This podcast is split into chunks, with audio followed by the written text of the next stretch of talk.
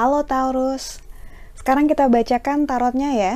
Oh ya, untuk yang ingin dibacakan tarot gratis, jangan lupa untuk ngecek video tanggal 12 Juli. Di situ ada tata caranya. Kita mulai aja yang pertama karirnya untuk Taurus. Oke. Saat kartu Death keluar, ini menanja, uh, menampakkan naga yang sudah tulang belulang tapi dia bisa terbang di dalam kegelapan. Kartu Death menunjukkan saatnya untuk bangkit, bertransformasi dan berubah. Uh, yang kemarin-kemarin dilakukan tidak cukup untuk mencapai tujuan ataupun harapan kamu. Cara-cara lama saatnya ditinggalkan, saatnya memasuki cara-cara baru. Kartu ini biasanya juga keluar untuk memberikan semangat untuk kamu dan menyarankan agar kamu mempelajari hal-hal baru, skill baru ataupun hmm, memperbaiki diri gitu ya.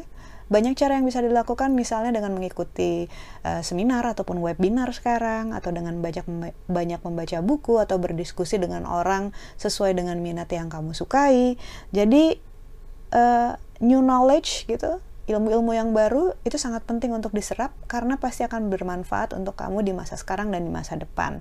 Cara-cara lama yang memang sudah tidak berhasil gitu ya, sudah tidak menghasilkan suatu hal yang sesuai dengan masa sekarang, dilepaskan saja, ditinggalkan saja. Kita harus bisa menerima bahwa sekarang zaman berubah gitu. Jadi kitanya juga harus mudah beradaptasi dan berubah juga.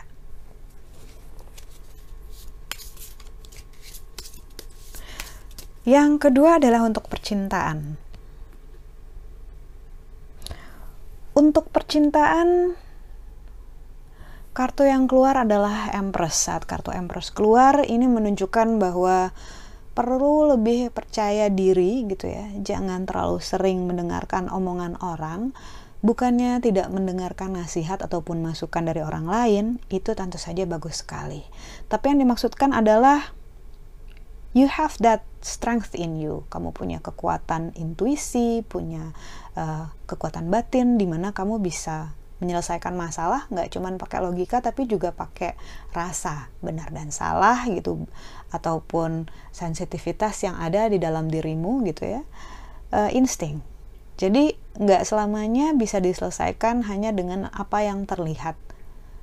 Banyak hal-hal yang tersirat yang nggak bisa uh, diterjemahkan dari tersurat gitu ya.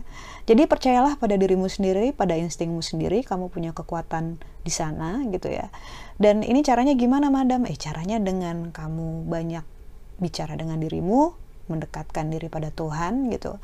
Uh, bicara pada diri sendiri itu maksudnya mereview kehidupan selama ini, mempertanyakan diri sendiri apakah ini benar atau tidak, apakah ini baik atau tidak, apakah ini sudah ada empati atau tidak gitu ya. Istilahnya mengasah diri sendiri untuk menjadi seseorang yang lebih baik karena kita lebih objektif pada diri sendiri, nggak cuman ngikutin subjektivitas. So, intinya trust your instinct. Yang terakhir adalah kartu nasihat.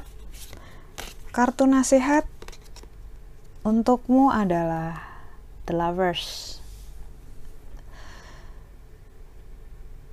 Naga ini melihat sang gadis sebagai pasangannya dan sang gadis bisa melihat naga ini sebagai soulmate-nya.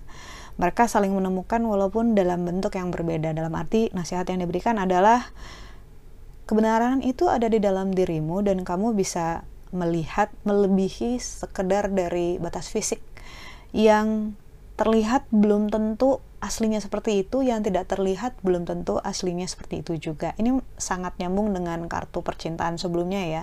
Walaupun bisa diterapkan di seluruh kehidupan dalam hal pekerjaan ataupun sehari-hari, uh, intinya nggak semuanya bisa dilihat dengan jelas pada awal. Orang yang terlihat baik bisa dipercaya dalam karir ataupun pekerjaan, misalnya bisa jadi seseorang yang bisa mengkhianati kita di masa depan. Dan sementara seseorang yang menurut kita nggak bagus, ternyata bisa jadi sahabat di masa depan.